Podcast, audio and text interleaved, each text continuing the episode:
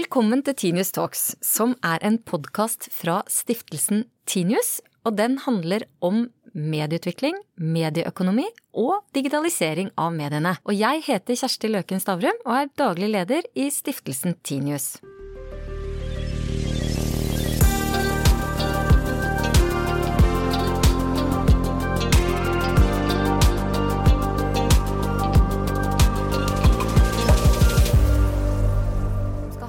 Om det vi i hvert fall her og nå kan kalle for hjerteblodet i medieutvikling og innovasjon, nemlig alt som skjer innenfor startups og nyskapningsmiljøene. Eh, og til å snakke om det, så har vi invitert med oss Anniken Fjellberg, som er gründer av det som er Norges største hub for kreative næringer, nemlig 657, og Carl Christian Agerup, som er direktør i Oslo Tech. Og Oslo Tech drifter Forskningsparken i Oslo. Og dessuten er du styreleder i Startup Lab. Og for å bare legge til det, du sitter også i styret i stiftelsen Tinius, men det er ikke så viktig akkurat nå. Anniken, vi starter med deg. Hvis du eh, fikk eh, bare tre ord eh, til å karakterisere startup-miljøet i Norge, hvilke tre ville du brukt da? Og da ville jeg brukt vekst. Og at det er spennende. Og på vei inn i en ny fase. Ja, Hvilken fase er det? Nei, Jeg tror vi er på vei til å ha ikke mettet, men vi har fått veldig mange mennesker som er interessert i å starte virksomheter nå. Og mange har gjort det. Og så er det jo spennende å se hvem av de som klarer å vokse og bli store. Mm. Karl Christian, du har sagt at tidligfaseselskapene, som vel er det det er det lange norske ordet for startups, er dagens helter. Eh, og du har altså jobba nå i snart ti år med, med, denne type selskaper. Eh, er vi nå på vei inn i en ny fase? På en måte så tror jeg vi er det, for vi ser konturene nå av en del vekstselskaper som plutselig er 60-80-100 personer innenfor eh, områder som vi kanskje tidligere ikke har sett så mye til, nemlig teknologi og, eh, og, digitale selskaper. Så sånn sett så tror jeg vi er det. På den annen side så må vi huske på at vi har jo andre industrier i Norge som er globale og har vært preget av også tidligfaseselskaper og gründere som har lykkes, innenfor olje og gass f.eks. Men innenfor teknologi og digitale selskaper så, er, så tror jeg er, det er riktig karakteristikk. Mm.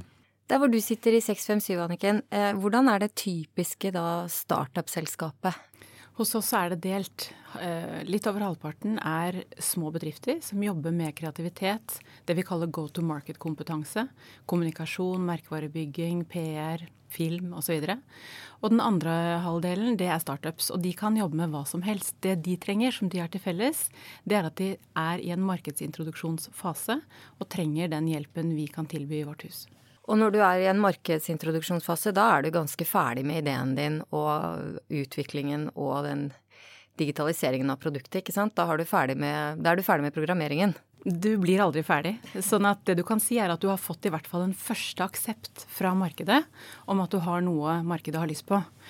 Og når de da skal lansere produktet eller tjenesten sin, så vil de få enda mer informasjon og må sannsynligvis endre på det de driver med mange ganger. Og det er en del av dynamikken i vekst. At du må samtidig bygge en organisasjon og endre produktet og tjenesten din flere ganger. Det er krevende. Og nå, når du sa krevende like før det, så hadde jeg tenkt å stille Karl Kristian spørsmålet er det lett å være startup i Norge? Nei, det er aldri lett å være startup. Det er faktisk veldig vanskelig. Og det tar utrolig mye tid og er veldig krevende i forhold til personlige egenskaper og i forhold til den tiden du bruker på det. Det er en veldig veldig krevende hobby eh, i starten inntil du lykkes, og som vi vet, det er ikke, det er ikke engang flertallet som lykkes. Så det er en risikosport.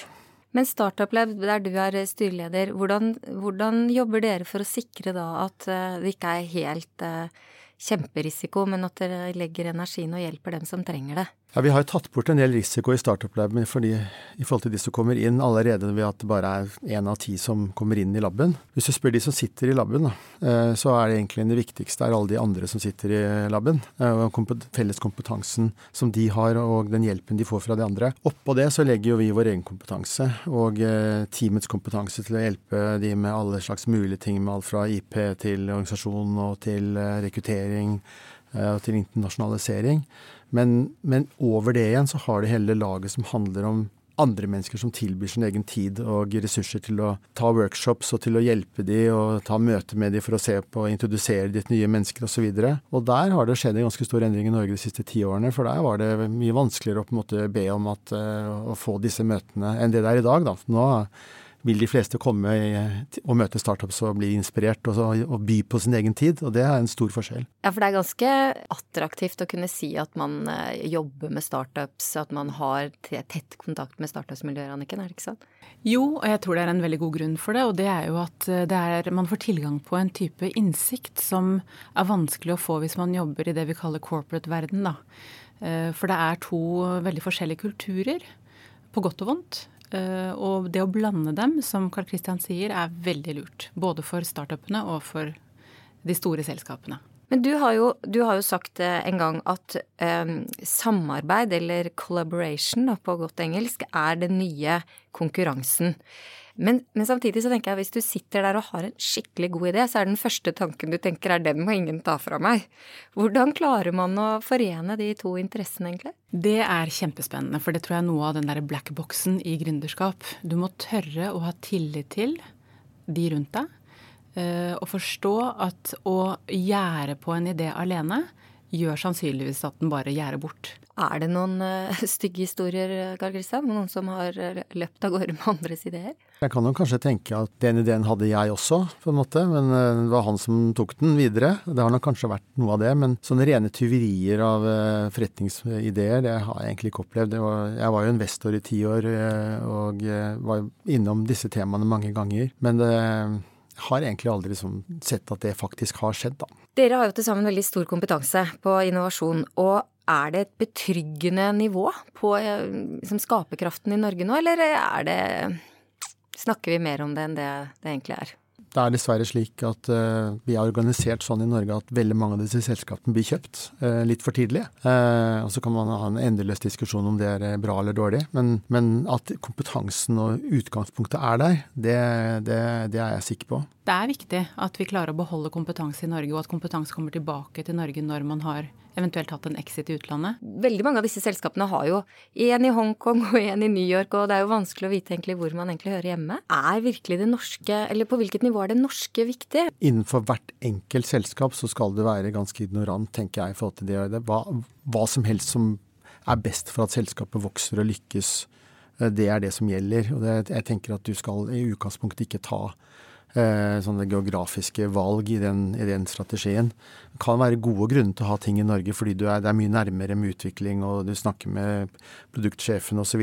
Men om det, om det, logisk sett for forretningen er at du skal ha andre ressurser andre steder, så skal du ha det. En helt annen diskusjon er jo om er det et mål i seg selv at disse selskapene forblir norske, at hovedkvarteret er der det er, og at du bygger opp og blir børsnotert i Norge. Jeg syns den diskusjonen er litt vanskelig. Jeg ville helst sett at vi bygget store teknologiselskaper i Norge, men uh, jeg ser på en måte ikke veien dit. Da. da må du ha noen store kapitalaktører som faktisk har det som agenda, og det er veldig få kapitalaktører som har nasjonalitet som agenda, egentlig. Jo, men jeg tror det handler egentlig ikke om om vi skal ha selskaper til å prinsipielt være i Norge, det handler om hva ønsker Norge å være spesialist på. Og så må vi sørge for at de selskapene som gründes innenfor de bransjene, de må vi de må ha lyst til å være i Norge. Ellers så mister vi kompetanse. Og det handler jo om utrolig mange ting. Det handler jo om akademia. Hva er det vi, er, det vi er gode på å utdanne folk til? Eh, hva er det vi skattlegger og ikke? Eh, hvordan legger vi forholdene til rette for å hente kompetanse fra utlandet til Norge? Hvor lett er det egentlig å bosette seg her? Osv. Og Karl Kristian, du har jo i hvert fall for noen år siden ropt litt varsko om tilgang på kapital. At det har vært vanskelig for, eh, for startup-selskaper særlig. Er det sånn fortsatt? Jeg vil si at situasjonen for kapitaltilgang til startups er, om ikke bra, så er for mye, mye bedre i dag enn det var for bare noen få år siden. Utfordringen er den vekstkapitalen på de neste 30-50 millionene, hvor den kommer fra. Og så igjen da, hva som skjer med selskapet når de først omsetter kanskje for 100-200 millioner og skal videre derfra. Der er det krevende, men det handler på en måte litt utenfor den startup-finansieringsdebatten som på en måte politisk sett er veldig, veldig populær. Eh, men den er ikke minst like viktig da, i forhold til å få til gode scaleups og vekstselskaper i Norge. Er det din oppfatning også, Anniken? At det er, at det er sånn det er, det er, grei tilgang på tidligkapital, og så er det verre etter hvert? Absolutt. Og det har endret seg de siste par årene. Um, så de startupene som vi har hatt gjennom vårt system, og som jeg er mentor for, de, De klarer å finne kapital så frem de er flinke, eh, opp til si 10 millioner. da. Og når de skal hente de større pengene, så er det mange av de som faktisk flagger ut. For de finner hovedinvestoren sin i utlandet. Hvilket utland da? Det er som regel enten USA eller faktisk England eller Sverige. Ja, og der sa du det navnet, landet, som jeg hadde tenkt å komme til. For hvordan er Norge i forhold til Sverige? jeg har inntrykk av at Sverige ligger godt foran Norge når det kommer til både innovasjon og ikke minst evnen til å lage store selskaper. Er det riktig? Ja, vi kommer raskt etter. Men de har en tradisjon for å måtte gjøre gull av gråstein. Mens vi har gull i havet og i elver og sånt nå. Så den tradisjonen som de har gjennom en industri som er hundrevis av år gammel, den drar de nytte av også i startup-miljøet, selvfølgelig, og blant investorene. Det var en artikkel i DN for ja, i fjor, tror jeg, som, som, viste at det var ikke, det er ikke noe mer kapital tilgjengelig i Sverige enn i Norge eh, proporsjonalt sett, men de distribuerer den annerledes i Sverige. De er flinkere til å investere mindre flere steder, mens i Norge har vi historisk sett investert mye få steder. Og det sliter vi med senvirkningene av, kan du si det? Ja, altså Sverige de har gründere som tradisjonelt sett er mer ambisiøse.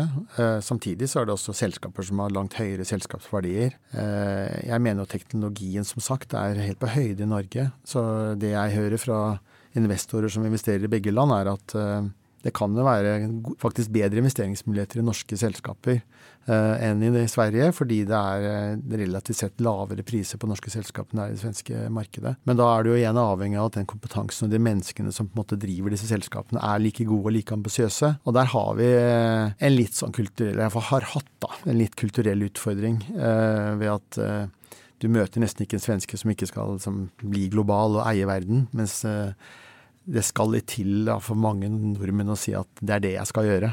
Og da er jo Er den norske gründeren da mer sedat, eller er den norske gründeren mer beskjeden?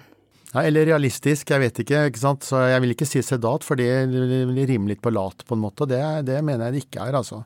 De er ambisiøse, men det er, de, eh, det er vanskelig å generalisere, selvfølgelig. Vi har noen fantastiske gründere som er ekstremt på å vokse disse selskapene helt etter boka.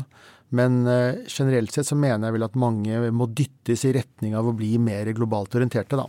Uh, enn det som kanskje strengt tatt burde vært nødvendig. Eh, når du først da satser hele livet ditt på å være gründer. Så vi er oppdratt som folk til å være mer kanskje forsiktige. Det kommer, ligger i røttene våre fra langt tilbake. Og det var vel med Gro Harlem Brundtland som begynte å snakke om at det er typisk norsk å være god, at vi som nasjon skulle begynne å tenke at vi er flinke. Uh, jeg kjenner ikke igjen en sånn forsiktighetskultur lenger i de jeg omgås. Jeg syns både på Startup Lab og på 6M7 at de uh, som sitter der og lever i økosystemet, er veldig ambisiøse. Men gründeren er jo den store X-en alltid i, i, denne type prosjekter, og du var jo litt innom det også, Karl Kristian. Hvordan er liksom den Hvilke egenskaper har den, eh, den gründeren du gjerne vil satse på, Anniken? Det er et sånt godt engelsk ord som heter resilient, og det kan oversettes til standhaftig, ste, altså stayer eh, at du tåler en trøkk og reiser deg igjen. At ikke du gir opp. Det er kanskje en litt sånn barnlig eh, egenskap.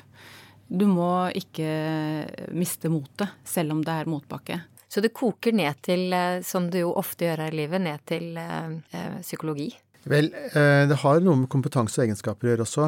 Gründeren er viktig fordi det er idéhaveren og den som på en måte kommer i gang med prosjektet og, og ser muligheten. Men vi har jo flere selskaper nå i Forskningsparken og i Startup Lab hvor den overgangen til en annen driver og en annen administrerende direktør som faktisk er mye bedre i stand til å vokse det selskapet, er gjort helt smertefritt. Det er en tegn på modenhet. At liksom gründerne skjønner at hør her, skal dette selskapet virkelig bli så stort som jeg ønsker at det skal bli, så er ikke jeg personen til å ta det selskapet videre. Eh, og det fordrer jo også at du har mennesker som kommer inn der som egentlig ikke er gründere, men som da kanskje er de som hadde fått jobb i de flotteste konsulentfirmaene og de kuleste teknologiselskapene, men heller velger å jobbe med han derre 25-åringen eh, som faktisk er på sporet av et eller annet. Uh, og det er også en annen sjikte av mennesker som du er helt avhengig av for å vokse de selskapene til å bli så store som mulig. Da. Det høres jo veldig vondt ut å tre til side og gi fra seg babyen sin, og, og så glede seg over at det uh, er en helt annen som tar det videre opp i himmelen. På det nivået, når du snakker scale-up, når du skal vokse så mye, så er ofte ikke gründeren rustet for det. Det er en enorm belastning uh, for mange å skulle vokse et selskap fra null til 100, da, for å bruke den metaforen. Så det å sitte sitte i et miljø, i et økosystem som da har tilgang på det nettverket med de menneskene, er jo for mange være eller ikke være av gründerne. Anniken, du har jo vært med på mange selskaper da, som har gått inn av døra og kommet ut av døra, og også fulgt de andre steder. Hva er gode eksempler på vellykkede gründere i Norge? Vi har etter hvert eh, en god del, og noen av de har også begynt å komme tilbake og starte nye selskaper. F.eks. Kjartan Sletta har jo vært med sammen med Thomas Walde og startet Unacast og har bygget det til en kjempesuksess allerede. Og de skal jo langt videre herfra også, men det de har fått til nå er formidabelt. Jobber med Beacon-teknologi, plantet seg i New York for noen år siden. Og har nå også eh, Unacastle her i Oslo, hvor de bygger sin kultur i Norge og er en kjempeinspirasjon for veldig mange gründere. De er flinke til å dele, og de tar tak i problemstillinger som de syns er viktige, og gjør noe med dem, selv om ikke det handler om deres kjernevirksomhet. Så det syns jeg er et forbilledlig eksempel. Andre som du kjenner at du liksom får litt sånn hjertebank av? Det er mange. Jeg vet nesten ikke hvordan jeg skal velge. Men eh, noen vi har hatt gjennom hos oss, er jo studenter fra BI. Kommer stadig vekk eh, til oss. Og eh, bl.a. har vi hatt Oslo Business Forum, som er unge, dette unge teamet som Eh, fikk Obama til Norge nå i høst. Og det er en helt annen type startup. Det, det ser ut som en konferanse, men det er egentlig kunnskap. Så morsomt. Jeg ville aldri tenkt på det egentlig som en startup, men uh, veldig godt eksempel. Har du noen, Carl Christian, som du kjenner at uh, det er sånn som man bør merke seg når man snakker om innovasjon? Ja, Det er jo mange av disse selskapene i, i Forskningsparken som er, de er teknologitunge. Det er ikke konsumentselskaper, så det går litt under radaren på de fleste. Et selskap som nå er i ferd med å bli snart 100 personer, er Atensi, som er et team og en ledelse som kom ut av Funcom og brukte den spillteknologien på helt andre områder mot, på, mot selskapsverdenen. Veldig morsomt å se. Fått inn eksterne investorer og er, er, globale fra, nesten fra dag én i forhold til hvilke kunder de betjener. Et annet selskap er Ardoc, som har kommet ut og som nå er, flytter dessverre ut av Forskningsparken, for vi har ikke plass til dem, men nå er de 65 personer. Det er kjempegøy. og det har Fått inn Geir Førre som investor og har et tungt investorteam innen som, som, kan det å på en måte bygge selskaper internasjonalt. Og Så er det også selskaper som ikke er en del av Startup Lab, men som kommer ut av forskningen på Universitetet i Oslo. Vaxibody, ung ph.d.-jente som uh, tok ph.d.-graden sin sammen med en av uh, Universitetet i Oslo sine rockestjerner, Inger Sandli, og startet selskapet. Og nå har de hentet jeg tror det er 200 millioner kroner og er, er i ferd med å utvikle en kreftvaksine. Så det, det fins. Eh, det er mange gode eksempler der ute på selskaper som virkelig har et, et, et, et veldig spennende fremtid. Nå sitter jo dere på hver deres hub, må man kunne si, med, med, med det som høres ut som liksom det, det, attraktive stedet å være for å drive innovasjon. Men, men, hvorfor kan ikke de etablerte selskapene være der det innovasjon skjer? Det må da være mye lettere, da er man jo allerede inne i en infrastruktur, man har tilgang på kapital, man har allerede etablerte styrer, man har kontorplasser og telefoner. Hvorfor, eh, hvorfor er det behov for 657? For det første så innoveres det masse i norske konsern, sånn at det er jo en sannhet med modifikasjoner. Men jeg tror hvis du skal eh, innovere utenfor kjerneområdet ditt, så kan det være greit å, i deler av prosessen bare komme seg ut av eget hus og få inspirasjon og eh, innsikt fra andre steder. Noen gjør jo det gjennom reiser.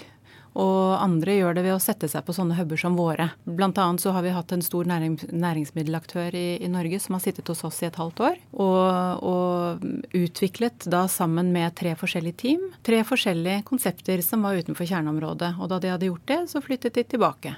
Ja, Burde etablerte selskaper gjøre det mer? Ja, jeg tror det er viktig. Jeg er helt enig med Anniken at eh, det skjer mye innovasjon i norske selskaper. Hele Nordsjøen er bygget ut med teknologi, ikke stål. Eh, men jeg tror at eh, norske selskaper har veldig stor glede av å jobbe med gründere av mange årsaker. For det første tror jeg det er veldig opplærende for mange av de som jobber med disse tingene internt i selskapene. Og for det andre så tror jeg bare dynamikken rundt det å få fram nye prosjekter er en helt annen det finnes jo selskaper som ikke klarer å sette i gang prosjekter som koster mindre enn 20 millioner kroner. ikke sant? Så på en måte, Hvis ikke det har et budsjett på minst det, så har det på en måte ikke noen verdi. Mens 20 millioner i en startup-setting er jo ekstremt mye penger. Så det handler om å kunne gjøre mye ut av lite og kunne finne de Kunne teste og, og feile og all den dynamikken er som vanlig. Sånn, normalt store selskaper vanligvis ikke benytter seg av. Da. Jeg tror også at det handler om når du har bygget en merkevare eller en bedrift, en kultur, så skal du på en måte da lage en bedrift i bedriften, en kultur i kulturen. De skal De, sier jeg med en gang da. Det blir et de og vi. Eh, veldig fort at det blir en polarisering. At de innovative menneskene sitter der, og vi andre er ikke innovative. Og det tror jeg mange store selskaper kjenner på. Og at det derfor er mye lettere å innovere sammen med partnere eksternt. da.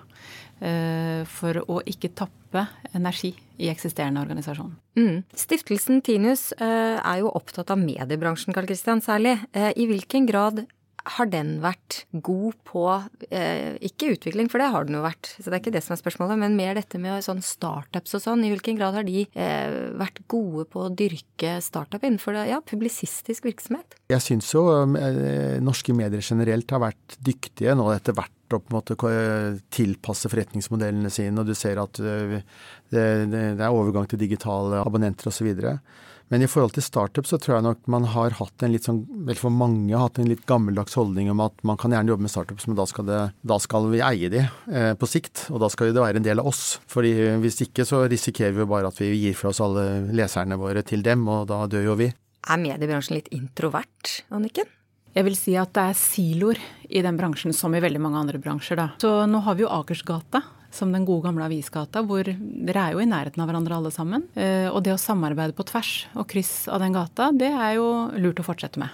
Vi må innom en problemstilling som, som, det på sett og vis er litt sørgelig at det har dukket opp også på dette området, men, men, øh, men, det er jo ikke dermed sagt at man ikke gjør noe med det. Og det har med jenter, eller kvinner, og, og startup å gjøre, Karl Kristian. Er jenter mindre, mindre liksom, hva skal man si, sånn pådrivere for sine egne ideer og og i startup-miljøet? Jeg sa i starten at uh, det å være gründer og komme i gang med startup er en risikosport. Og så vidt jeg vet så finnes det langt flere gutter enn jenter som driver med risikosport, også i den virkelige verden. Jeg tror noe handler om det, uten at jeg skal på en måte legge all skylden på kultur. Men det er klart at er, jeg unner jo egentlig ikke min beste fiende å være gründer, for det er ekstremt slitsomt og veldig krevende. Eh, så du må på en måte tørre å, å gidde å gå gjennom den hele den der reisen der. Og det er jo mange grunner til å la være. Men så tror jeg det at når da de jentene som da kommer inn av døra, de, eh, det er jo veldig viktig at de blir behandlet ordentlig. Eh, og eh, også at man har et fokus på det. Og vi har, et, vi har over mange årene hatt et veldig sterkt fokus på det. Og det som skjer da, er jo plutselig at leder i laben er kvinne, og finansdirektøren i fondet er kvinne, og, og den nye som driver hele corporate-arbeidet, Karianne Melleby, er en kvinne. Så liksom det, det, har, det har jo noe med at du faktisk da tenker over det og gjør noe med det også. Men i forhold til de, jeg opplever jo de kvinnene eh, Vi har sånne startup pitcher hver, hver, måned. Og det er jo flere og flere jenter som faktisk står på den scenen og presenterer. Så er, sånn, uten at det er veldig scientific her, så, så går det i riktig retning. Og 20% av de som er i laben nå, er jenter. Så det, går, eh, det var sju bare for fire år siden. Blir de tatt godt vare på når de kommer inn av døra, Anniken? Du, jeg tenker jo ikke sånn på det, fordi for meg er det nesten litt rart å skulle svare på. Eh, det er jo folk, liksom. Så, men det statistikken jeg har fått presentert, da, har vært at det er stort sett 25% jenter. Kvinner i pitchkonkurranser. 25% kvinner på pall når det er konkurranser og tre er liksom topp tre. Men når du kommer inn i investorrommet, så er det stort sett ja, mellom 2 og 4% kvinner eller kvinnelige startups som får kapital. Og det er ganske stygge tall. Og det har nok utrolig mye forskjellige eh, årsaker. Men en av årsakene er nok også at det finnes ganske få kvinnelige investorer. Hvordan kan man få flere av dem da, Anniken? Det er egentlig bare å, å, snakke om det. Alt som man snakker om og setter fokus på, endrer seg jo. Men et morsomt eksempel, da, det er jo Fjong. De som leier ut klær. Eh, med Sigrun Syverud i spissen, som er eh, gründer av selskapet. De var ute etter kapital, og eh, Sigrun bestemte seg for at hun skulle kjøre en crowdfunding-kampanje. Og da var det altså brorparten kvinner som stilte opp, og hun fikk inn alt hun skulle og litt til med hjelp av mesteparten kvinnelige investorer, hvorav veldig få av dem var profesjonelle investorer. En annen ting som eh, Harvard Business Review skrev om for et par år siden, var at ventureselskaper som hadde kvinnelige partnere, hadde også bedre exiter for kvinnelige gründere enn det ventureselskaper med kun mannlige partnere hadde. Og det som er interessant med Fjong-case, er at der har hun en kvinnelig styreleder som sitter i Arkwright, eh, som heter Heidi Taulov. Og de to har altså spilt hverandre gode. Og det er et veldig godt eksempel på nettopp den dynamikken, hvor vi kanskje kan se at det er en sammenheng mellom Eh, det å forstå hverandre, likhet, eh, og, og forstå hva som er riktig hjelpemiddel og når. Det er tøft å være gründer, og i Norge der vi er vant til at uh, når noe er tøft, så må noen komme og hjelpe meg, og da er det jo ofte lett å tenke på politikerne. I hvilken grad er, er, det god tilrettelegging for gründerskap fra politikerne, eller er det bare Venstre som snakker om det, Karl Kristian?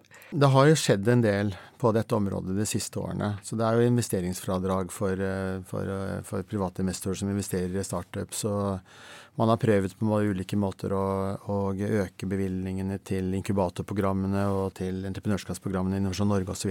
Jeg mener jo at det er ett område som er helt avgjørende for å legge til rette for flere særlig vekstselskaper. Og det er eh, opsjonslovgivningen som vi har i Norge i dag, som de facto hindrer veldig kraftig at du får nytt talent inn i de selskapene som vokser. Jeg snakket i sted om overgangen fra gründer til, til, de som faktisk skal vokse selskapet.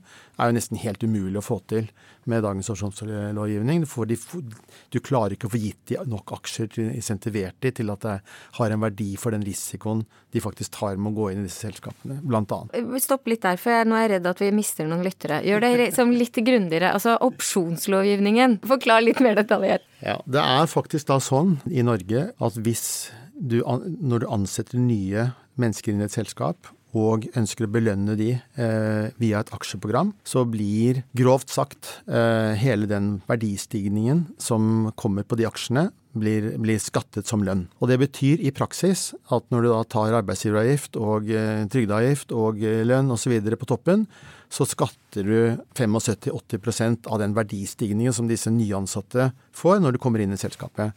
Mens gründeren skatter jo kapitalskatt, 25 eller hva det nå er i dag. Og Det er en kjempeforskjell, og det betyr at uh, det, er, det, er, en vesentlig uh, hindring for å kunne vokse disse selskapene og få en riktig kapital inn i de vekstselskapene som vi jobber med. Så hvis du da er en som har lyst til å kaste deg på lasset, så får du ikke så mye hjelp av myndighetene til å liksom få gleden av den verdistigningen du bidrar til. Nei, og Det som er ekstra farlig, er at alle de andre land er i ferd med å skjønne dette her og gå til en amerikansk eh, skattelovgivning inn på dette området, mens Norge henger igjen.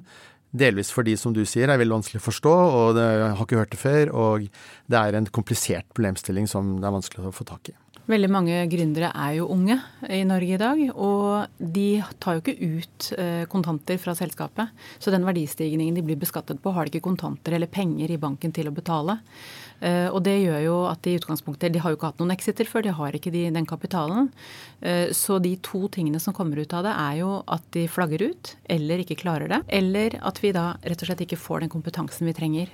Og det er eh, ryggbrekkende for eh, økosystemet her til lands. Ja, det var en veldig alvorlig melding her på tampen, føler jeg. Ja, vi har snakka føler jeg en del om at det er eh, tungt å være gründer, og at det er ikke noe walk in the park. Eh, men vi, skal jo være til inspirasjon her, så jeg syns vi nesten får avslutte med litt, eh, litt sånn medvind. Karl Kristian, det er gøy òg? Ja, det er veldig gøy. Jeg, jeg, jeg, jeg, var jo gründer og bygget opp mitt eget selskap når jeg på en måte bestemte meg for å avslutte konsulentkarrieren min. Og de beste vennene jeg har, de kommer jo fra den tiden. Og eh, fantastisk mange hysteriske historier og morsomme erfaringer som på en måte er en del av livet mitt, og som jeg bruker fremdeles i den jobben jeg gjør i dag. Uh, og aldri angret. Uh, jeg tror ikke jeg hadde angret hvis det hadde gått dårlig, så hadde jeg antageligvis ikke angret da heller. Så absolutt verdt det, vil jeg si. Du nikker, Anniken? Jeg nikker iherdig, fordi eh, jeg trodde jo aldri jeg skulle bli gründer. Jeg kommer fra en familie hvor alle hadde jobbene sine til evig tid i samme selskap. Men da jeg først skjønte hva det var og prøvde det da jeg var tidlig i 30-årene, så ble jeg skikkelig bitt av basillen. Og du snakket om risikosport tidligere, Carl Christian. Og jeg tenker kanskje at det er litt sånn at eh, gründerverden og næringslivet da historisk sett har vært revet av menn. Nå er det jo ikke sånn lenger på samme måte. Men systemene og strukturene er nok det. Og det jeg opplevde da jeg hoppet over og begynte for meg selv, i en fase av livet det har jeg lyst til å si, som var ganske tøff Jeg var alenemor, hadde to veldig små barn. Monstergjeld etter skilsmisse osv. Eh, hadde det bra, men det er jo ikke akkurat en sånn walk in the park-scenario for å drive sin egen virksomhet. Men det jeg opplevde, var jo at jeg hadde en enorm frihet. Jeg kunne jo designe mitt eget liv.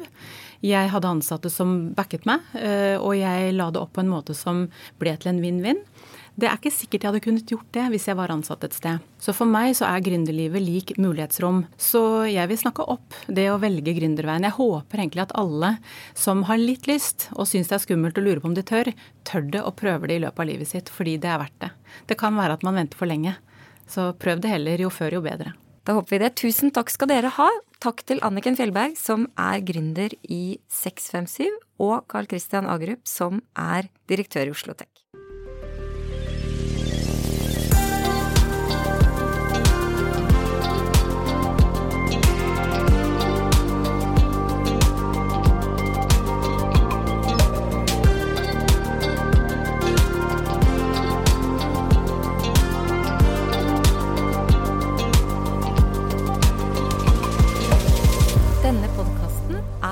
Produsert av Hansine Korslien for Stiftelsen Tinius.